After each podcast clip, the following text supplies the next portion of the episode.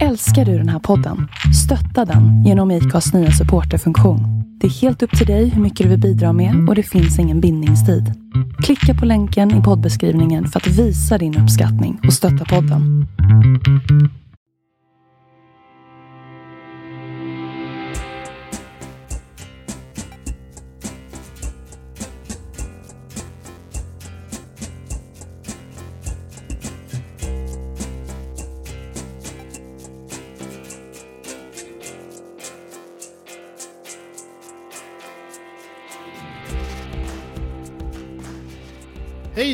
Varmt välkommen till Andreas och Viktor förklarar politik. Eh, Andreas, varmt välkommen hit till mitt kontor där vi faktiskt sitter. Tack så mycket. Har du haft en eh, bra vecka? Jo, men det har jag haft. Det var bara trevligt och fint och sådär. Ja, eh, vi har ju släppt vår lilla trailer kan man väl kalla det. Mm. Eh, men nu är vi här för vårt första riktiga avsnitt. Ja, det är spännande. Podden är igång på riktigt. Yes. För oss känns det väldigt bra. Jag hoppas ni där ute gärna vill fortsätta lyssna över tiden här när vi kommer eh, djupdyka i eh, det politiska systemet och Ja. Och förklara vad som händer. Ja, men precis. Eh, ja. Vi, I den här veckan ska vi prata om det svenska politiska systemet eh, och hur, grunderna för det och alltså hur allting fungerar och sådär och då jämför det med ett aktuellt system som är det brittiska. Mm. Eh, Väldigt spännande för det brittiska politiska systemet är ju högaktuellt i de här Brexit-tiderna och det känns ju som att den politiska världen är helt uppslukad i just brittisk politik och Mm. det unika system som de har i att styra mm, sitt land. Ingen nedskriven grundlag Nej. men ett väldigt starkt parlament och en stark premiärminister. ja, precis. Det är en väldigt stor skillnad från det svenska systemet med mer, mycket mer nedskrivna regler kring hur det ska fungera. Liksom vi har våra, våra, våra, vår grundlag med regeringsformen, konstitutionsordningen, tryckfrihetsförordningen och eh, fri- yttrandefrihetsgrundlagen. Ja, eh, medan i Storbritannien har man som sagt ingen nedskriven grundlag eh, på så sätt. eh, Det, det, den är inte skyddad på samma sätt som vi har i Sverige där man måste ändra, eller det enda sättet att ändra en svensk grundlag är att eh, ha två riksdagsbeslut eh, med ett val emellan. Medan i Storbritannien så räcker det med ett enkelt parlamentsbeslut för att byta den lag som är grunden Mm. till att någonting bestäms. Ja, och ibland så finns det mycket av det som fungerar, just grunderna i det brittiska systemet är inte ens nedskrivet. Eller i alla fall inte nedskrivet i beslutet av parlamentet som en lag, utan mer bara någon form av eh, convention, alltså någon konvention att så här ska det fungera och så här har det alltid fungerat. Eh, så det, det är mycket sånt som är, det är mycket stora skillnader där liksom. Något som är väldigt unikt i det brittiska systemet är också drottningen. Mm. Eh, drottning Elisabeth är ju statschef och vi har ju visserligen en kung Karl XVI Gustav som är vår statschef. Men han har inte alls lika mycket att säga till om som Nej. sin eh, brittiska kollega. Kan du förklara lite vad som är så unikt med just drottningens makt i Storbritannien? Jo men det är ju att drottningen är ju hela alltså, fun, gar, garanten för hela den kon, konstitutionella konven, konventionen. Liksom. Hon ser till att, att, att det, liksom, det upprätthålls. Liksom. Ut- Utan henne så, så skulle liksom inte det vara någonting fungerar. Liksom. Hon ser till att liksom, de normer och regler som, oskrivna regler som finns eh, upprätthålls. Liksom. Eh, Medan men i Sverige så är statschefen eh, har liksom saknar all politisk betydelse liksom. Men, eh, det går ju liksom inte att eh, Även fast han gör saker som att ha eh, möten ibland med regeringen och leder utrikesnämnden och eh, har riks, riksmötets öppnande varje år så är det inte så mycket av alltså, så här, om han nu skulle väga, vägra göra saker på någon anledning eller monarken i Sverige skulle göra det så skulle inte det ha så stor bety- betydelse för hur systemet fungerar. Liksom. Det skulle vara så här, okej, då struntar vi i det då. Ja, för den brittiska drottningen har ju en väldigt unik ställning och det är hon som läser regeringsförklaringen Ja, till exempel i precis. Storbritannien. Eh, Det är, på henne, det är hennes regering, Ja. det är hennes namn regeringen eh, sitter. Och så var det ju i Sverige fram till vi ändrade lite strukturen här. Eh, Ja, Då ja, hade precis. vi ju... eh, Men då var det också nedskrivet att det var han, det var kungen som, som gjorde det liksom. så Ja, exakt. Ja. Men även den brittiska premiärministern är ju en rätt unik figur i världen. Man kan väl säga att den franska presidenten och den amerikanska presidenten är ju personer med väldigt mycket makt. Men Ja. man glömmer ofta den brittiska premiärministern i det här. Just på grund av att han eller hon har det, det, man, man behöver ju majoritet i parlamentet För att vara premiärminister, men ja precis. Och, och det innebär ju att man i princip kan få igenom vilken lagstiftning eller vilka beslut man Mm. vill i parlamentet om inte man har problem inom sitt eget parti. Och garanten drottningen som man är, man är drottningens premiärminister och man är alltså den som rådgiver drottningen för olika saker. Eh, och, och beslut, egentligen är det, det rådgivandet är egentligen det avgörande för ett drottningsbeslut. Drottningen gör väldigt sällan, eller gör aldrig eh, någonting emot vad premiärministern rå, rådgiver liksom. Eh, så tidigare exempelvis innan 2011 så eh, gick premiärministern till drottningen och sa att, eh, att eh, parlamentet skulle upplösas och ut, ut, ut nyval så gjorde drott- drottningen det. Eh, och, och även nu eh, går eh, premiärministern till drott, drottningen och säger att man vill ha en ny, att stänga parlamentet för att ha ett, eh, där drottningen läs, läser upp en ny regeringsförklaring så, så, så gör drottningen nu också. Nu eh, är det, tidigare så trodde man att det fanns någon form av att eh, man kunde stänga ner parlamentet för hur lång tid som helst. Men det är, men, eh, men Högsta domstolen i Storbritannien har nu beslutat att det är inte möjligt. Att det är, det är, liksom, det är, det är, en, det är en regel att det är en juridisk regel att det går inte att göra. Liksom. Tidigare så var det en konvention att, att, att det här kan inte göras. Men nu har domstolen beslutat att, att det, Ja, kan du förklara lite vad som hände? Boris Johnson stängde ju alltså ja, eh, men- parlamentet för att få igenom Brexit. Eh, Hur hänger det här ihop? Jo men eh, alltså, han sa att han ville ha en ny lagstiftningsagenda. Det var därför han ville stänga parlamentet. Men, eh, och, eh, men det som hände var att han ville se till att eh, det som man säger att han spekulerar kring det var att han stängde det för att parlamentet inte ska ha tillräckligt mycket tid att stoppa någon form av Brexit den 31 oktober. Och därför stängde han parlamentet i slutet av september för att kunna ha en, ny- en ny Queen Speech eh, där drottningen läser upp en ny regeringsförklaring.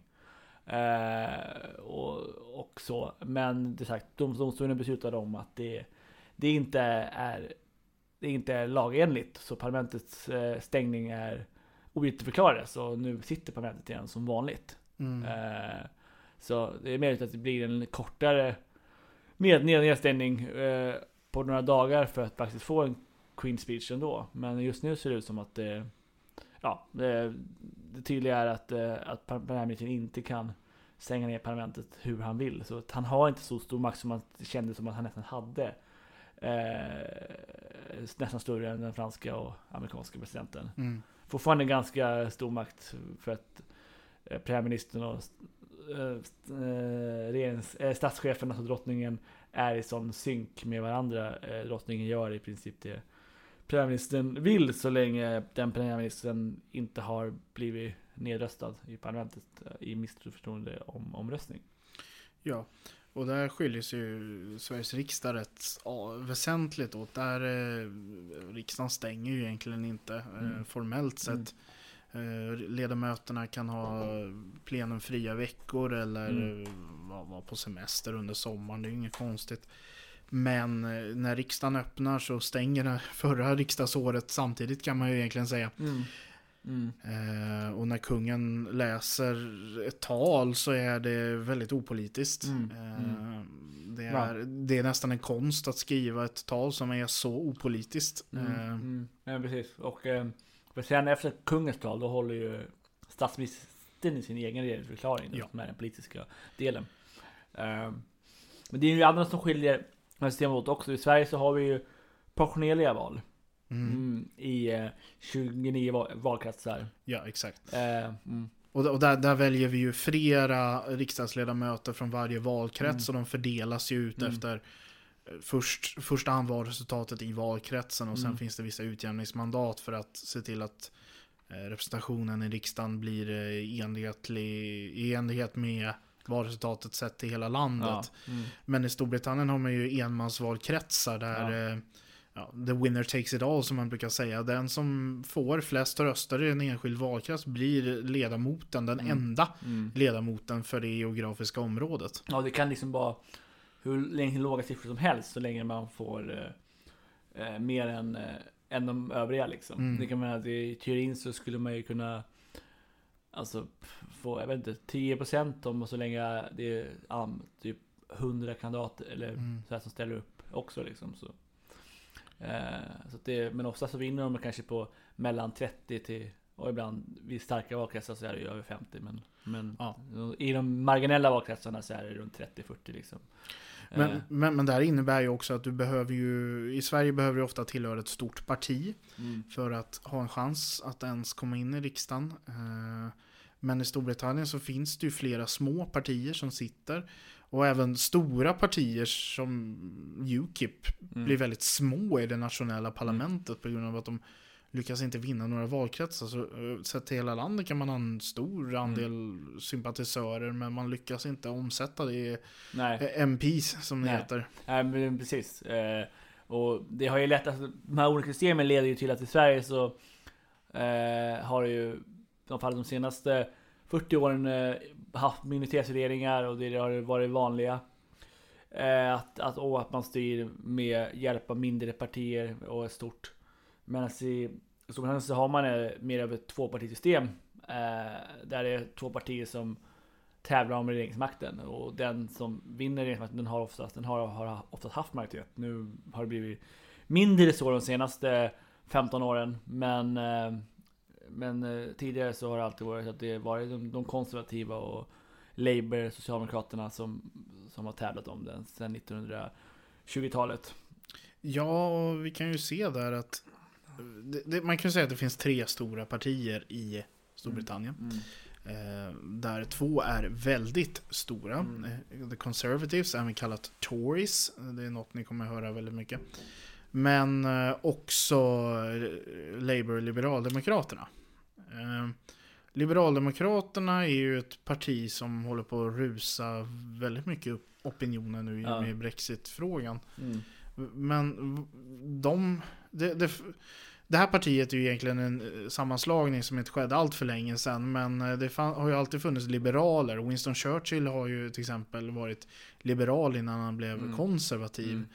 Men eh, und, fram, från första världskriget i princip så har det varit de här två Mm. partierna som har varit Ja, dominerande kraften i brittisk politik. Ja, precis. Det, det är ju på grund av systemet liksom att det, det är svårt att eh, eh, att komma fram och liksom, konkurrera med mer än två partier liksom. Om man eh, för väljarna, väljarna, man märker ju att väljarna anpassar sig ganska lätt ut efter vilket valsystem som finns liksom. Med hur hur man ska rösta. Men man ser ju bara Storbritannien har ett lite annat system i val till Europaparlamentet. Nu när Mm. de fotboll medlemmar i EU så har de ju val till det och där ser man ju att det blir en helt annan eh, röst, röstning liksom. Eh, där är ju har ju Ukip, eh, alltså eh, United Kingdom Independent Party som har letts av Nigel Farage och numera Brexit Party. Eh, de har ju varit största partiet de två senaste Europaparlamentsvalen. Eh, och Liberalerna blev näst störst det här Europaparlamentsvalet och det är ju första gången i något val som inte eh, Tories eller La- Labour har det största partiet. Mm. Eh, eller någon, av de två stora partierna. Eh, ja. Att, eh, Ja, och eh, det har ju påverkat hela Europaparlamentets sammansättning också eftersom Mm. Tories och eh, Labour är så stora partier i, sin, eh, i sina grupper. mm. Men eh, ja, Europaparlamentet får vi gå igenom lite närmare en annan gång. Ja, precis. precis. Men, men eh, alltså, det brittiska parlamentet kan ju vara väldigt underhållande att titta på. Eh, tycker i alla fall jag. Ja. Det är specifika delar, vissa inslag i systemet där, något man kallar PMQs, alltså Prime Ministers Questions, Mm, som sker varje onsdag. mm. Väldigt ofta. Är ju det de flesta tror jag har sett ändå. Mm. Förutom eh, talmannen John Burko som står och skriker på Order, ledamöter. order. Exakt. Ehm, men PMQs, vad är det egentligen som händer där? Vad, vad, vad är det för något? Nej men det är eh, Ja men eh, premisen eh, blir liksom scru- scrutinized eh, i parlamentet. Eh, av oppositionen framförallt. Eh, men av hela, av hela parlamentet. Där han ställer sig i sin dispatchbox. Eh, där han har sin, har sin egen placering liksom. Och eh, får frågor från, eh, ifrån, hela, ifrån hela parlamentet. Så frågor kommer in i, i, i förväg. Eh, några dagar i förväg ska det skickas in. Eh, så därför blev det till exempel ingen PMQs den här veckan för att parlamentet öppnades på eller beslutade att det var olagligt att parlamentet var stängt. Nedstängningen. Eh, så det kunde inte ske några på onsdag för att det, det behör, behör, frågor behöver kom, komma in typ två dagar i förväg. Eh, men eh, men det är han ställs inför frågor. Han, har, han gör statement och eh, oppositionsledaren som eh, är Jeremy Corbyn, the Labour Party. Eh, han, han, han eh, ställer de här frågorna och har en väldigt eh, retoriskt, man, har, man ska ha en väldigt eh, retoriskt slipad eh, mot premiärministern då. Så till att han eh, har sina liksom, Får in sina eh, prioriterade frågor mot premiärministern. Och sen så ställer alla möjliga parlamentariker både från regeringssidan och oppositionen. Liksom, en parlamentariker i Storbritannien har ju väldigt eh, stort eh, oberoende gentemot sitt eget parti och sin egen partipiska. Eh, till skillnad från i Sverige där, där oftast liksom, det kanske är konstlat ibland så ställer riksdagsledamöter frågor. Ja, konstlat skulle jag inte säga, men eh, man, man, är ju lite snällare i alla fall. Ja. Uh, men alltså även alltså de som är i regeringspartierna kanske ställer, ja. ställer väldigt sällan frågor mot sina egna ministrar. Men de...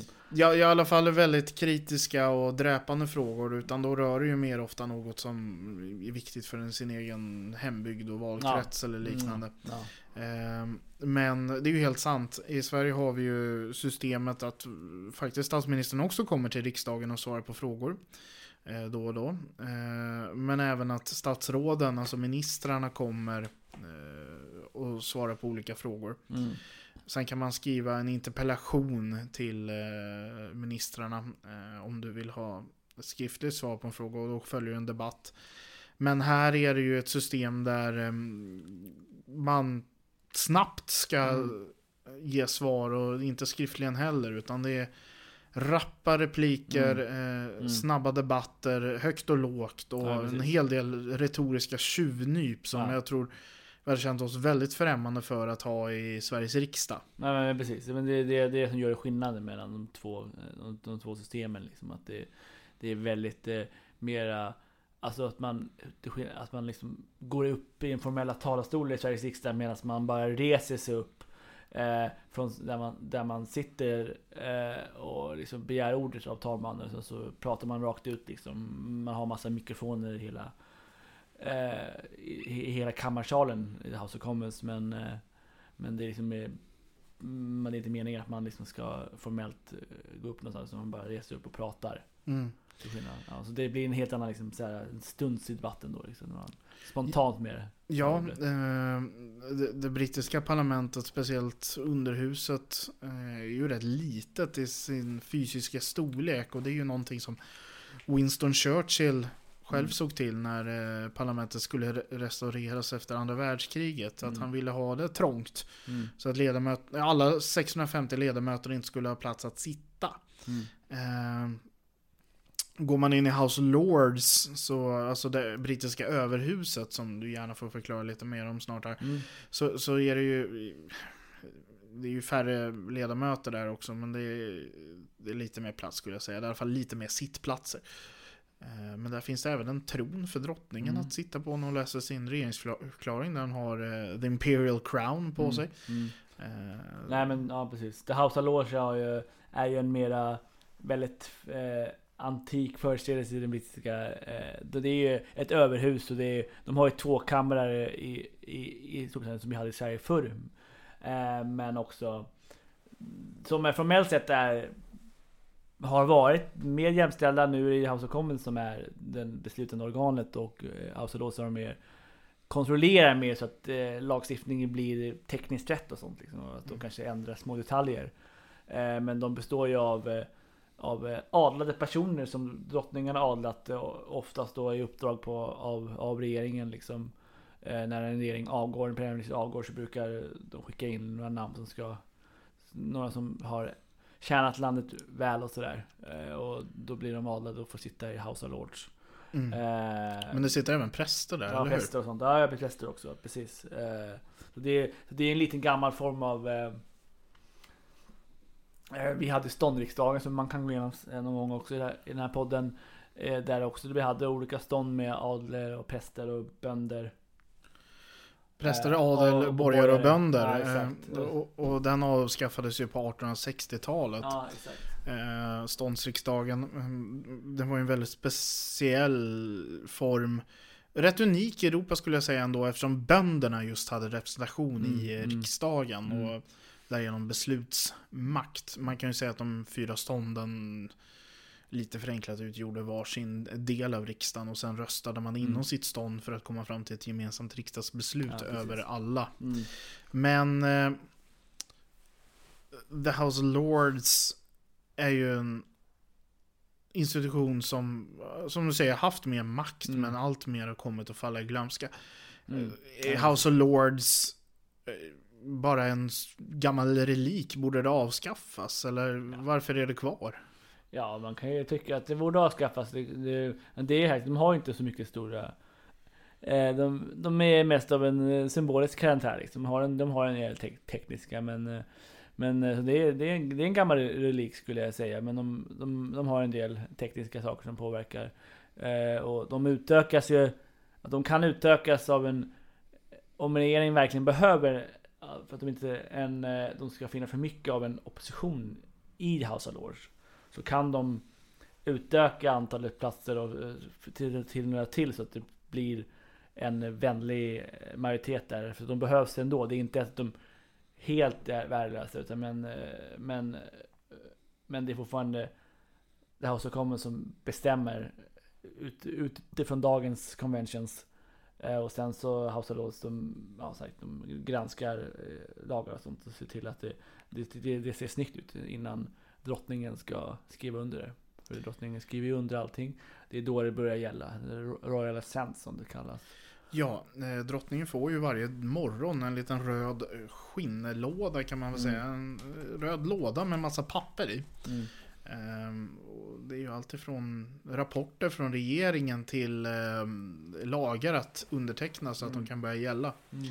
Eh, så eh, drottningen är ju högst delaktig i ehm, det politiska systemet och den politiska beslutsprocessen. Mm.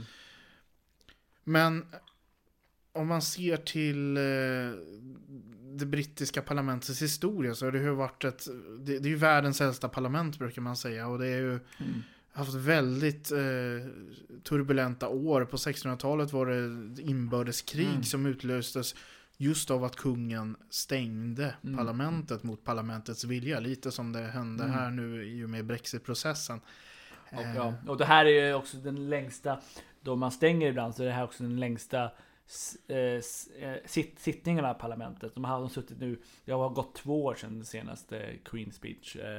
Det är alltså den längsta perioden sedan, sen just inbördeskriget. Så att, eh, det är också, det är en väldigt historisk, också en eh, parallell till inbördeskriget i den verket sen. Ja, det är många historiska ögonblick här. Eh,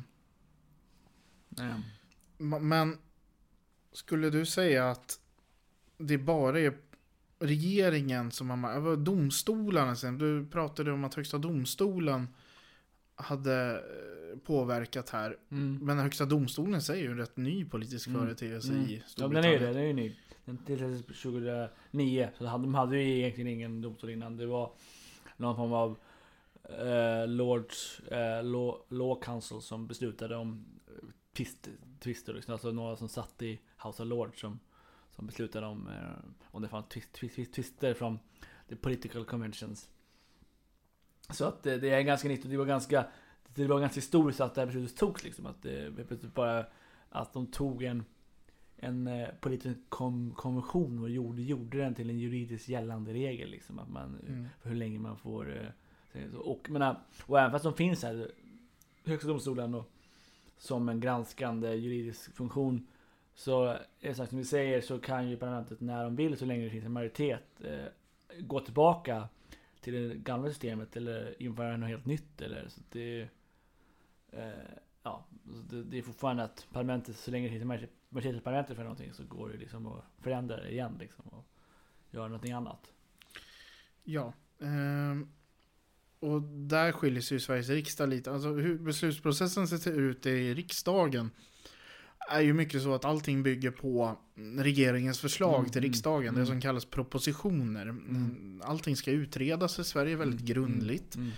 Eh, ofta finns det utredningar som pågår i- ibland i år för att eh, säkerställa att lagstiftningen blir rätt skriven.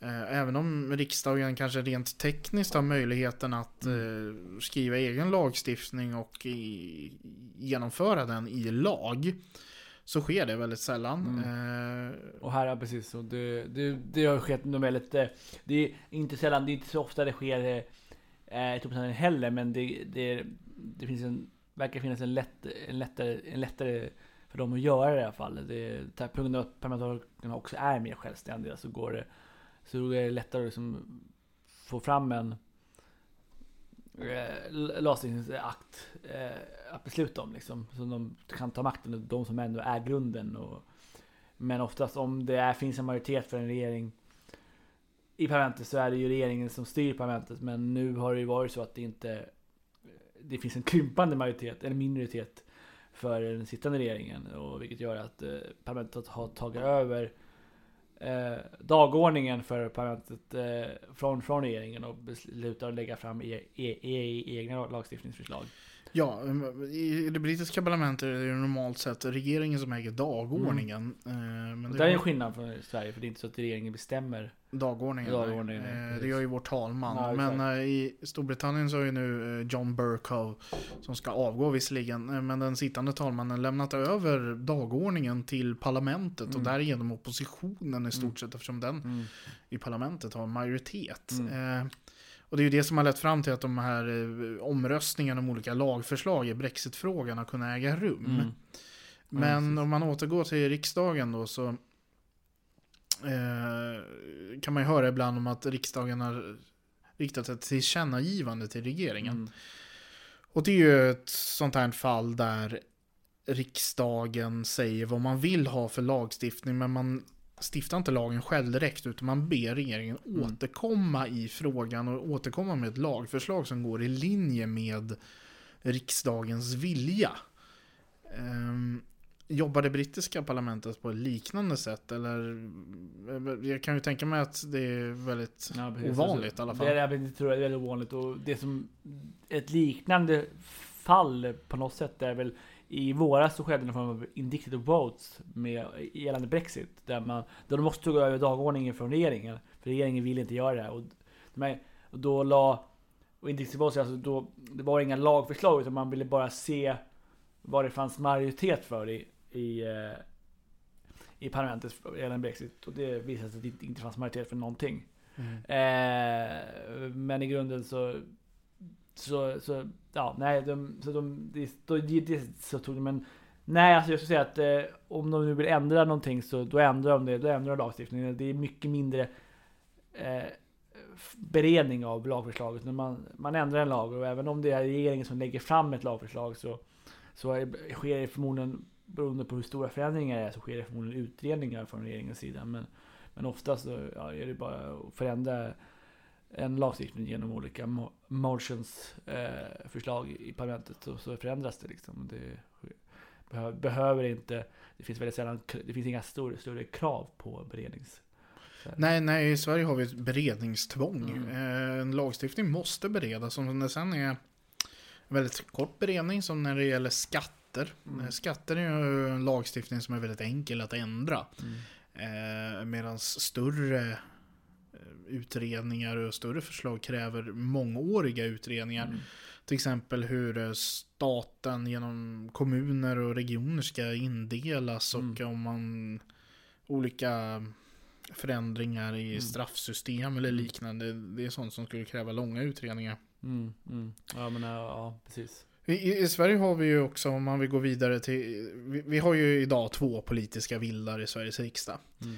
Eh, Men de tynar väl mest bort i sin eh, källarkommun korridor så att säga. Mm, men. Men, men, i brittiska parlament så är det ju lite, det händer ju någonting när någon byter parti så att säga. Nej, det, det, man, man går över den här, vi pratade ju om det här att det fanns två läktare liksom i parlamentet. Det är oppositionen, det är regeringen.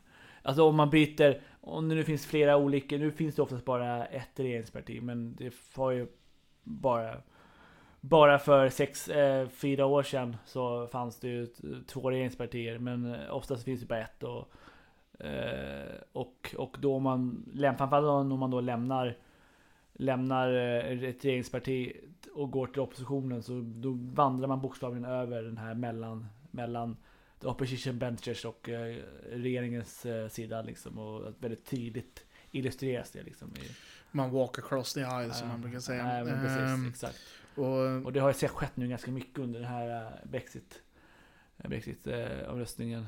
Man pratar ju om det här med partipiska i Sverige ganska ofta. Och i Storbritannien så har man ju också partipiskor. Här har man också ansvariga whip office som ser till att, eh, att eh, alla röstar som, eh, som, de, som de som ska. Och så har man olika former av grader av whip.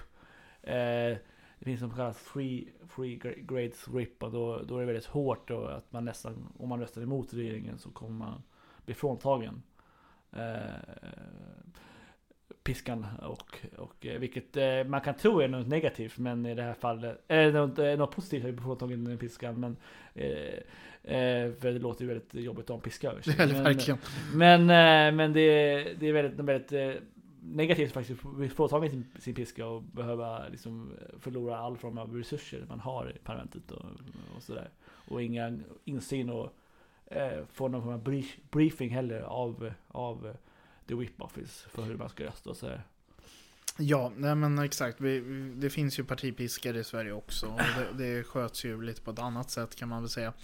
Men eh, det, det händer ju såklart att eh, ledamöter röstar annorlunda sitt parti i riksdagen. Men hyfsat ovanligt. Men Mm. det händer då och då. Mm.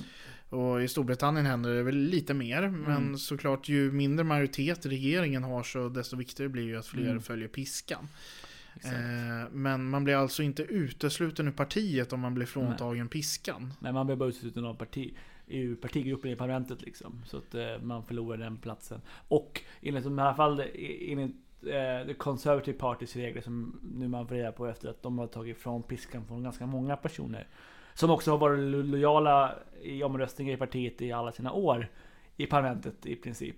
Eh, många av dem i alla fall. Eh, och ändå blev de fråntagna piskan. Och de, eh, enligt de reglerna så kan de inte heller ställa upp ett, ett, ett, i ett kommande nyval liksom. Så att de, även fast de fortfarande är med i partiet så är de i alla fall förbjudna från att kunna ställa, ställa upp för sin, eh, för sin consistency eh, igen i det kommande valet. Ja, och där, du måste ju helt enkelt få piskan tillbaka för att Ja. få ställa upp i Ja, val för eh, i alla fall det konservativa partiet. Ja. Men eh, det är ju som du säger, Boris Johnson, eh, jag vet inte om man ska kalla uteslöt, men han i alla fall eh, tog av piskan för 21 ledamöter Mm. för inte alls så länge sedan. Bland annat eh, förra finansministern Philip Hammond och eh, Winston Churchills barnbarn. Och eh, även den en som har suttit i parlamentet sedan 1970 för partiet, eh, Ken, Ken Clark som eh, ja, Ja. Och det, det är ju drastiska åtgärder, men samtidigt det var en väldigt avgörande omröstning för Ja. eh, partiet och regeringen. Så, Det handlade om att ge, ge kontrollen över till op oppositionen för, för parlamentets agenda och liksom. ja, nej, det är ju fullt möjligt att bli utesluten ur ett svenskt parti, eller i alla fall utsparkad ur riksdagsgruppen. Mm. Plopp. Andreas är sugen på godis. Eh, utesluten ur riksdagsgruppen för om man skulle rösta principiellt fel Mm. enligt partilinjen är en viktig fråga, säg statsbudget Mm. eller eh, liknande. Mm. Ehm, Det ska vi faktiskt komma ihåg. Eh, Så Boris Johnson kanske inte var allt för elak där, eller vad tycker du? Alltså, ja, jag vill ändå säga det för att han själv hade ju faktiskt röstat för, eh, emot Theresa Mays deal i alla fall två gånger. Och eh, man kan tycka att den, den, den eh, eh hennes, hennes avtal, hennes EU-avtal om utträde, eh, var ju ändå ganska eh, betydande policy för hennes regering.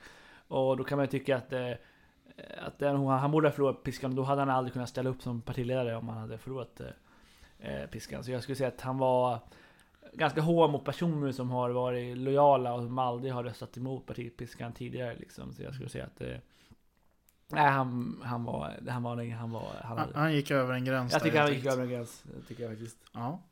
Nej, men det är ju ändå spännande. Ehm, den svenska riksdagen är ju en rätt... ehm, alltså det är en enkammarriksdag. Mm. Det är 349 ledamöter. Man sitter eh, inte bredvid sina partikamrater. eh, Utan man sitter ute efter sin valkrets. Mm. Och där kan du ju hamna bredvid någon från ett helt annat block till och med. Mm. Eh, Medan i, du berättade för mig att i Storbritannien så sitter ju regeringen på ena sidan och oppositionen på den andra. Men DUP som är ett eh, nordirländskt eh, unionistparti, Ja. eh, de får inte sitta med regeringen trots att de stödjer Nej regeringen. precis, exakt. Men det är ju, det enda gången det, man sitter med regeringen, det är om man faktiskt sitter i regeringen, inte om man är stödparti till regeringen. Så att, det- så att det- de sitter på the opposition benches här, fast de ger regeringen sitt, stöd och de har ett supply, en eh, support agreement med regeringen liksom. Och att de stöder dem i, från omröstning till omröstning liksom. Eh, Så att ja, nej, det är så det fungerar liksom. Det är, eh, man sitter bara på regeringssidan om man, om, om man, om man är ett regeringsparti. Eh, och oftast är det bara ett. Det var ju 2010 till 2015 var det ju, var det ju två. Ja. Liberal, Liberal, Liberal Democrats och då Conservative. Eh, också någonting som är lite annorlunda mot den svenska riksdagen är att i Sverige så kan du bli vald till till och med statsminister utan att sitta i riksdagen. Mm. Eh, Du kan bli vald till statsråd utan att sitta i riksdagen. Det hände ju inte för allt så länge sedan. Ja, du, Eh, precis. Och eh, vi har ju också statssekreterare i Sverige som det kallas i, Sverige. Och där är det också samma sak. Du kan komma in som vilken person som helst. Det är ministern som anställer dig. Eh, men i Storbritannien så från typ statssekreterare eller junior minister som det, kanske, som det mer kallas där. För då är man minister fortfarande som statssekreterare. Till premiärminister så ska man ha, ha, måste man ha en plats i parlamentet annars så kan man inte sitta i regeringen. Och det är rätt många som eh, är liksom... Betald av, eh, är från någon form av regeringsrepresentant eh, liksom i, Ja. De har upp mot 100 personer i Som har någon form av Någon form av betalning av regeringen liksom Mm. För i Sverige om du blir eh, minister säger vi och eh, du sitter i riksdagen då kallas du in en ersättare Mm. som tar din riksdagsplats precis. så länge du är minister. Mm, Man kan inte ens sitta i Nej, du, du, du blir ju... Du, du får ju sitta på regeringens bänk i riksdagen Mm. och eh, du har ingen rösträtt eller liknande. Men i Storbritannien så röstar ju ministrarna i, mm. i omröstningarna. Det är ju också Ja, väldigt annorlunda. Ja, men det, är, det är väldigt stor skillnad från det svenska systemet. Att det, man, är, man är en del av, man väljs mm, eh, man väljer mellan att man, premiärministern ska vara en parlamentariker, parlamentariker convention är att man är en, en av parlamentarikerna, det är de man väljer mellan liksom. Det är det som är den viktiga convention där. Och det är också igen en convention, det är ingen skriven regel utan det, det, det är bara så det är liksom. Som allt annat i detta Ja, underbara land. Exakt, så det är väldigt mycket som Det skulle roligt att se vad som skulle hända om man skulle besluta att bara vilja ha en annan? Om det skulle bli en domstolsbeslut på det också så länge man har högsta domstolen. Eh, Ja, så att, eh, ja nej men det är ju så det är liksom så att eh, Det är väldigt många så här olika fundament på eh, stora skillnader, alltså som skiljer ut det brittiska systemet från, från det svenska men även från många Många andra många- europeiska. Ja, och även från liksom, de som använder Westminster-systemet i, i stora delar, alltså de gamla kolonierna, så skiljer även de ut sig. De har ändå mer Kanada och Australien, de har ändå mer nedskrivna konstitutioner än vad, det, än, än vad Storbritannien har. Liksom. Ja. Eh, och det är ju även lite annorlunda hur man röstar i de olika parlamenten skulle jag vilja säga. I riksdagen så finns det i bänken en liten lucka du öppnar. Det finns tre knappar. Ja. Eh, en röd, en gul och en grön. Mm. Eh, men i det brittiska underhuset så, så går du in i ett rum Mm. och skriver upp, nej, skriver upp det, gör du inte på en lista. Du blir antecknad vilket rum du gick in i. Ja, Och och det- då, ja precis. Ja. Och det där är ju... Eh, man, först röstar man ju liksom med, som man röstar på alla sätt, eh, med ak- acklamation liksom. Att man Mm. röstar nej eller ja, eh, vad man säger. Yay or nej. Nej och nej, ja just det. Eh, och, och då, eh, och om, om då inte har varit att alla röstade yay, då, och att det var liksom både och. Då beslutas, tar man för sig själv att division, skriv, eh, ropar han ut i, i House of Commons. Och då ska de gå in i de här divisions olika rum bakom höger eller vänster sida av eh, talmansstolen liksom, när man går in och skriver upp sig. Och då, det är det som gör att det blir, kan bli svårare ibland att eh, hålla ifrån att man inte alltid röstar, att man inte röstar med regeringen om man är på regeringsbänken. För då kommer man få, annars få gå med oppositionssidans eh, ledamöter i det här rummet och trängas där inne med med, med fienden liksom. Som Ja exakt, och de är ju lite på olika sidor också. Det är ju korridorer kan man säga. Ja. Eh, jag har själv varit i det brittiska parlamentet. Eh, Westminster Palace, har du varit det? Nej, jag har inte varit det. Rekommenderas starkt. Eh, mitt intryck av... Eh, alltså det är ju ett stort eh, slott kan jag väl nästan kalla det. Mm. I, gotisk stil. Eh, väldigt fint. Men eh, det som slog mig om House of Commons, alltså underhuset eh, med den här vackra gröna färgen skulle Mm. jag ändå säga. Att, eh, det är väldigt litet. Mm. Eh, det är trångt. Mm. Eh, och klämma in 650 personer där plus tjänstemän, det Mm. kan jag förstå är Mm. det skapar den här stämningen som är så utmärkande Mm. för det brittiska underhuset. House of Lords också rätt litet. Mm. Eh, men lite pampigare liksom, Mm. vilket är inte Ja. så konstigt. Jag bilder från det. Så, ja. Eh, något som mm, var utmärkande tycker jag i House of Commons. Alltså man kom, jag kom in här bakom talmannens stol. eh, Mm. Och förbi det här bordet där det är massa böcker och så är det två Mm. eh, lådor. Dispatch boxes som Mm. vi pratade om. Det är Mm. ju eh, premiärministerns och oppositionsledarens, Mm. ska vi kalla det, privata talarstolar nästan. Exakt. Ja. Eh, och sen ligger en spira där framme. Vad Mm. är den för något? Jo men det är ju Det är ju den här som Den är där så, så länge Det är symbolen för att de får tillträde Så länge de är öppen så, häng, så, så, så, sitter den där liksom. Den är där Och när den När det är en nedstängning eller någon form av the Queen's Beast Det är då den tas in, in till Till the House of Lords Mhm. För att eh, drottningen där med den och med, makten och håller där och ska läsa upp den nya regeringsförklaringen eh, och ö- öppna parlamentet för en ny session.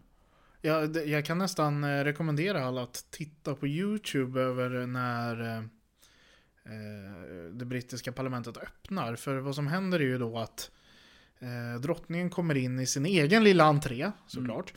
Eh, I häst och vagn. Eh, går upp och byter om. Eh, och kommer sedan in i House of Lords där alla är i sina mantlar. Mm. Eh, och eh, sätter sig och ber eh, The Black Rod, eh, alltså ska vi kalla det säkerhetschefen för parlamentet, att hämta eh, ledamöterna i underhuset. Och han går då tvärs över gången eh, för att hämta, bokstavligen talat de här, bankar på dörren. Eh, I och med att den slängs igen i ansiktet på honom när han kommer. En liten symbolhandling. Eh, den brittiska monarken får ju inte gå in i brittiska underhuset. Eh, återigen en koppling till inbördeskriget här. Men eh, dörren smälls igen i ansiktet på honom han bankar med en stav på dörren, den här stora ekporten. Eh, och det är... om ni tänker på hur många gånger det här gjorts genom århundradena så kan ni förstå att märket i den här dörren är rätt eh, stort. Mm. Och jag såg det med egna ögon. Men han går in där och begär då att eh, ledamöterna ska gå till House of Lords för att drottningen har kallat Mm. dem dit och Mm. för att öppna parlamentet. Mm. Och då går de. Eh, Mm. Och tar där staven med sig. då tar de staven med sig och går dit. Eh, och eh, de, de får ju såklart inte sitta till men premi- premiärministern får ju stå. Men han får i alla Mm. fall stå längst fram. Ja. eh, det, det gäller att visa vilka som bestämmer. Så alla i House of Lords får sitta men eh, The Commons de får stå upp. Ehm, Precis. Eh, Ja men eh, den här staven, det, man har ju märkt att Brexit har skapat upp eh, väldigt mycket kring alla conventions och sådär. Eh, men det var så, så kaosartat nu i våras så att det var någon Labour-ledamot som gick och bara under debatt, hets, hetsdebatt, bara gick och bara tog i den här staven och liksom eh, helt sporadiskt och alla blev helt till sig. Bara såhär, hej vad händer? Eh, så det var, eh, hela, man märker att hela systemet gungar när till och med sånt händer. Ja. Eh, ja men det, det är... Utan den i rummet kan Ja. inte parlamentet sammanträda. Nej. Så det är ju väldigt... Eh, en, en grov handling att ta den och försöka gå ut därifrån. Sen han kom ju inte så långt. Nej, Eh, gick han och jag, jag kan förstå, han kanske kändes lite dum efteråt. Ja. Men eh, vad gör man inte i stridens hetta, eller hur? Ja men precis, exakt. Exakt. Uh, ja. Nej men så att det, det, det är ju Det är ju väldigt stora eh, man, ser skillnaderna liksom och man ser att det, svenska systemet har ett mer Ja men det är mer, alltså vi har Alltså man om man då ska ta vad som är den stora, liksom, blir den stora skillnaden mellan brittisk och eh, eh, svensk politik är, är det ju det här att det skapar, att den svenska politiken är mer konsensusinriktad och eh, har varit det under lång tid. Nu börjar det förändras i Sverige, men det har ändå varit så att den, man vill ha breda överenskommelser medan sen i, i, det, i det brittiska systemet så, så har man en majoritet som sin regering och då, då, då styr man efter det. Det är regeringen som styr och oppositionen ska alltid opponera mot regeringspolitik. Man ska aldrig komma överens om breda överenskommelser som skulle kunna hålla även fast någon annan får majoritet i nästa val. Det, det handlar om att alltid att aldrig kompromissa med regeringen eller aldrig kompromissa med oppositionen. Medan i Sverige försöker ändå bland vikt, viktiga politiska områden hitta breda om, överenskommelser. Som exempelvis förändring av grund, grundlagar. Så man ändrar aldrig grundlagar utan att det finns en väldigt bred majoritet. Ja, eh, man brukar ju säga att försvarsbeslut och Ja. mm, utrikespolitik är sådana områden där, Ja. Där liksom riksdagen och regeringen och oppositionen eftersöker en bred enighet. Ja. Och det är även eh, kommit att eh, komma lite till konstitutionsutskottet som är Mm. de som granskar regeringen Mm. från riksdagens sida. Mm. Men eh, någonting jag tänkte på när eh, eh, Brexit-processen var som allra hetast här under Mm. våren var ju att eh, Theresa May, dåvarande premiärminister för Tories och eh, Labour-ledaren Jeremy Corbyn aldrig ville prata med varandra. Alltså det hade ju varit så enkelt att sätta sig ner och försöka Ja, prata hitta en- ihop ja, en deal Ja. om hur Brexit ska genomföras. Exakt. Hade Sverige genomfört en Swexit, alltså att Sverige lämnar Europeiska Unionen, Mm. min, min tanke är ju att det direkt hade tillsatts en parlamentarisk utredning om Mm. hur det här ska gå till Mm. och det har varit partiledarsamtal och allt möjligt för att få en, ett brett stöd i riksdagen Mm. för det här utträdesavtalet. Men i Storbritannien så väljer man en helt annan väg och en Mm. helt annat sätt att angripa det här problemet. Mm. Vilket har lett, i mina ögon i alla fall, till en rätt djup kris där parlamentet inte vet vad det vill. Mm. Det vet bara att det inte vill det förslaget som finns från regeringen, men de kan inte hitta något, Nej. något man vill heller istället. Och man hade ju flera rådgivande omröstningar för Mm. att hitta det här, Mm. men inget fick majoritet. Nej men precis. Men, Nej, och- men, och till slut så har ju Labour och Tories satt sig ner här under våren, men det har ju inte mynnat ut i någonting. Nej, det var bara en, en show för gallerierna liksom. Eh, spel för gallerierna. Mm, att det är någonting sånt. Så att, eh, ja nej men det... det, det, det, det, är, liksom- det är inte bara... Att det svenska systemet är tillsammans med det finska på ena änden av den här skalan. Medan, medan, medan, medan Finland är väldigt konsensusinriktat. Medan, medan Storbritannien är liksom i andra änden liksom. Att alltid, man inte, liksom, aldrig söker kompromiss med varandra liksom. Att det handlar bara om att, eh, och det, vilket gör också att det är hela, hela, hela Europa har ju varit häpnade över att liksom, det inte liksom, har sökt att man inte söker att hitta en konsensus i den politiska eliten i Storbritannien att eh, komma överens om vad man vill, vill med, Brex- med Brexit. Utan man bara liksom, regeringen bara kör på och försöker få igenom sin egen form av Brexit. Eh, och det är ju, alltså många europeiska länder har ju en kultur ändå av rätt breda samarbeten. Både i Österrike och i Tyskland så är det ju vanligt med så kallade GROKOS, alltså mm. eh, Große Koalition. Mm. Eh, alltså stora koalitionsregeringar Mm. mellan de konservativa och eh, Socialdemokraterna. Ja, men precis. Vilket eh, kanske är en nackdel för väljarna eftersom det alltid blir någon form av mittenpolitik. Mm. Men eh, det skapar ju en väldig stabilitet och man får ju alltid igenom breda överenskommelser genom sitt respektive parlament. Ja, men. Men eh, ja, Storbritannien här, vi får se vad som händer den 31 oktober. Och Mm. det här är ju visserligen ingen Brexit-podd så vi kommer ju antagligen återkomma många gånger till det här landet och deras politiska system. Det Eh, finns mycket att gå igenom när det kommer till Storbritannien. Så vi, och det kan ju bli aktuella ämnen som man vill komma in och förklara mer om. Vad som har hänt nu liksom. Så att, eh, ja. Ja, men eh, jag hoppas i alla fall att alla där ute har fått en bred bild av hur eh, Westminster-systemet, som det kallas, skiljer sig lite mot det vi är vana här i Sverige. Mm. Eh, och att eh, det finns mycket mer att prata om här skulle jag säga. Mm. Drottningens makt, premiärministerns Mm. inflytande, olika eh, sedvänjor som finns i landet. Och det Mm. finns ju även sedvänjor som inte är kopplade till parlamentet som är Mm. väldigt speciella. Mm. Eh, framförallt kopplat till kungahuset. Mm. Eh, men eh, vad, vad tar du med dig från den här diskussionen? Vad är det, det mest intressanta i det brittiska systemet anser du? Det, alltså det mest intressanta är ju att, att det har fungerat så länge med just de här gentlemen's agreements. Att det, att, att det är det som är att, att, det ändå, att man ändå har liksom på det, det finns någon form av trust mellan den politiska eliten så länge. Nu har ju det, liksom, nu har det kalkylerat liksom att det, inte, det visar att det, det fungerar inte. För att det, nu finns det sån misstrust mellan olika sidor. Så att eh, så det har varit mest fascinerande, att det, att det har fungerat historiskt. Och eh, fungerar kan att landet har, blivit, har varit framgångsrikt. Liksom. Men, nu, men nu ser det ut som att det ändå är, eh, ändå är på väg. att de förmodligen kommer behöva, oavsett vad som händer med Brexit, kommer de förmodligen behöva sätta sig ner och fundera om de, vad de ska ha för form av konstitution egentligen. Liksom. Eh, vad, vad tänker du? Vad är, vad är det mest intressanta av det som jag kom fram med här? Ja, nej, men jag, jag tycker just det här förhållandet mellan drottningen och parlamentet. Ja. Och liksom hur det hela det här systemet är uppbyggt. Alltså hela det här landet är ju egentligen hennes, jag ska inte säga egendom för det är inte sant, men liksom hennes, det, är- hela staten är hennes, allt sker Mm. i hennes namn. Mm.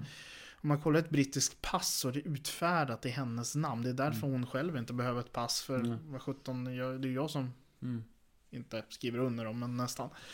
Mm. Eh, och så visserligen har det ju varit lite mer i Sverige, men det är ju sedan länge avskaffat. Mm. Eh, och det gör det rätt unikt i världen att det, det är kvar på det här sättet. Mm. Och I kolonierna, ska jag inte kalla dem, utan de före detta kolonierna så finns ju det... Alltså där har ju drottningen en utsedd representant som Mm. är eh, de facto statschef. Ja, Eh, precis. Den, den närmaste statschefen de har så Ja. länge. Eh, Det statschefen är ju... Är ju, Är ju drottning Elisabeth formellt. Ja. Men det är ju inte hon som eh, är den som upplöser, till exempel snart är det val i Kanada, då är det Ja. generalguvernören som Ja. har upplöst det brittiska parlamentet på rådgiv... Vad säger jag? ja, det hade varit kul. Generaldirektören börja upplösa det ryska parlamentet. Eh, generalguvernören har upplöst det kanadensiska parlamentet för att de ska kunna gå till val.